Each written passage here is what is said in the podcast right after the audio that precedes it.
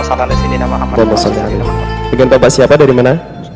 Dari Bapak Muhammad Aidil Adha dari Baik. Kalimantan Selatan. Ya, baik Dari- silakan dari mana? bertanya langsung kepada Buya, Pak. Dari mana tadi?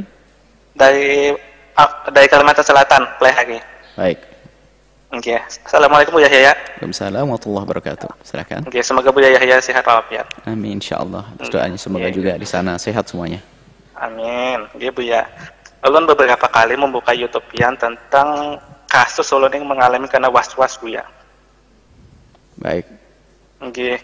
Jadi beberapa cara yang ulun teknik yang ulun pakai dari beberapa klip video sampean masih saja belum bisa Bu ya. Apa ada teknik untuk Was-was apa ini? was-was? Was-was apa dulu? Eh, was-was masalah niat aja Bu ya. Dari man- niat mandi, niat wudhu, niat puasa, semuanya tentang masalah niat aja. Itu pasti kurang mantap, kurang kurang yakin gitu Bu ya. Baik. Oke. Baik, selesai. Insyaallah Iya, kami beri jawaban. Oke, ulun minta doanya Bu ya semoga Amin. ulun dimudahkan hilangkan was-wasnya Bu ya. Amin amin. Baik. Amin, oke. Baik. Syukron, Bu ya. Sama-sama, sama-sama. Oke, Assalamualaikum warahmatullahi wabarakatuh. Waalaikumsalam warahmatullahi wabarakatuh. Baik, untuk menghilangkan was-was adalah eh, jawaban dari pertanyaan yang disampaikan kepada Anda yang baru mandi, baru wudhu. Orang mandi ada mandi biasa, ada mandi mandi be- besar. Baik. Jika Anda ke kamar mandi mau mandi besar, jika Anda ke kamar mandi mau mandi besar, lalu Anda mengguyur semuanya. Kemudian Anda ditanya oleh istri Anda atau teman Anda, mandi apa tadi? Kalau spontan Anda mandi besar berarti sudah, berarti ada niat di dalam hati Anda. Kecuali waktu Anda ngomong, aku mandi biasa. Wah, bari bukan. Jadi intinya adalah, yang Anda yakini, was-was itu kan merusak keyakinan. Kalau ditanya ngapain tadi? Mandi besar. Ya sudah. Kalau mandi besar berarti sudah niat tadi. Buktinya waktu ngomong spontan dia mengatakan mandi besar. Supaya tidak was-was. Kenapa? Yang jadi masalah bahkan ini ulama jelas. Kalau seandainya kita ragu setelah mandi gak usah dipikirin. Karena kalau kita masuk kamar mandi sudah mengguyur air ke kepala dan tidak setiap saat kita mengguyur juga berarti ini pasti mandi besar. Jadi niatnya adalah maksud di dalam hati nggak usah pakai nawaitul husla. Bagi yang kena was-was sudah dihindari nggak usah pakai nawaitu nawaitu langsung saja mandi. Kalau ditanya ngapain mandi besar ya sudah. Dan setelah ditanya ngapain tadi mandi besar berarti sudah niat. Itu untuk mandi besar. Wudhu pun juga demikian. Wudhunya lintasan. Kalau ditanya wudhu, kalau kalau urutan pekerjaannya adalah rapi dari wajah, kemudian tangan, kemudian kepala ke kaki itu pasti wudhu. Kalau orang biasa nggak akan begitu urutannya. Bisa kaki dulu dan yang lainnya. Maka urutan itu sendiri korinah, petunjuk bahwasanya anda itu nggak melakukan pembasuh hal-hal yang biasa, pasti wudhu. Asalkan urutannya benar berarti itu wudhu. Kecuali anda habis cuci tangan, kemudian sikat gigi, nyuci kuping, itu pasti bukan wudhu. Jadi kuncinya, kalau anda menjalani urutan wudhu persis seperti wudhu ini, maka itu adalah sudah wudhu. Kenapa? Berarti sepanjang anda melakukan kerjaan ini, anda sudah niat.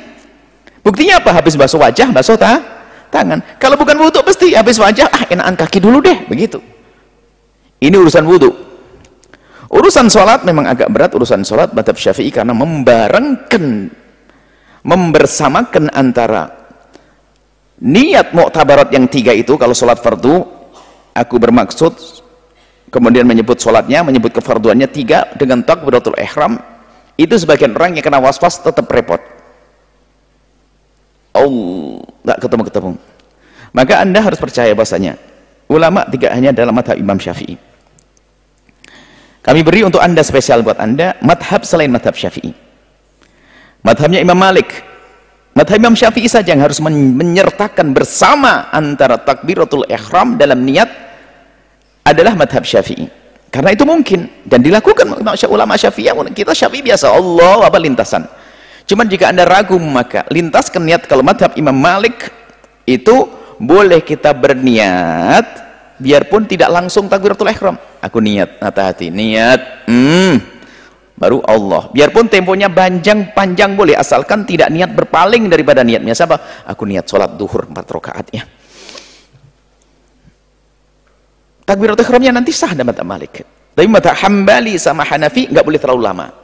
Jadi setelah niat aku niat sholat duhur fardu karena Allah.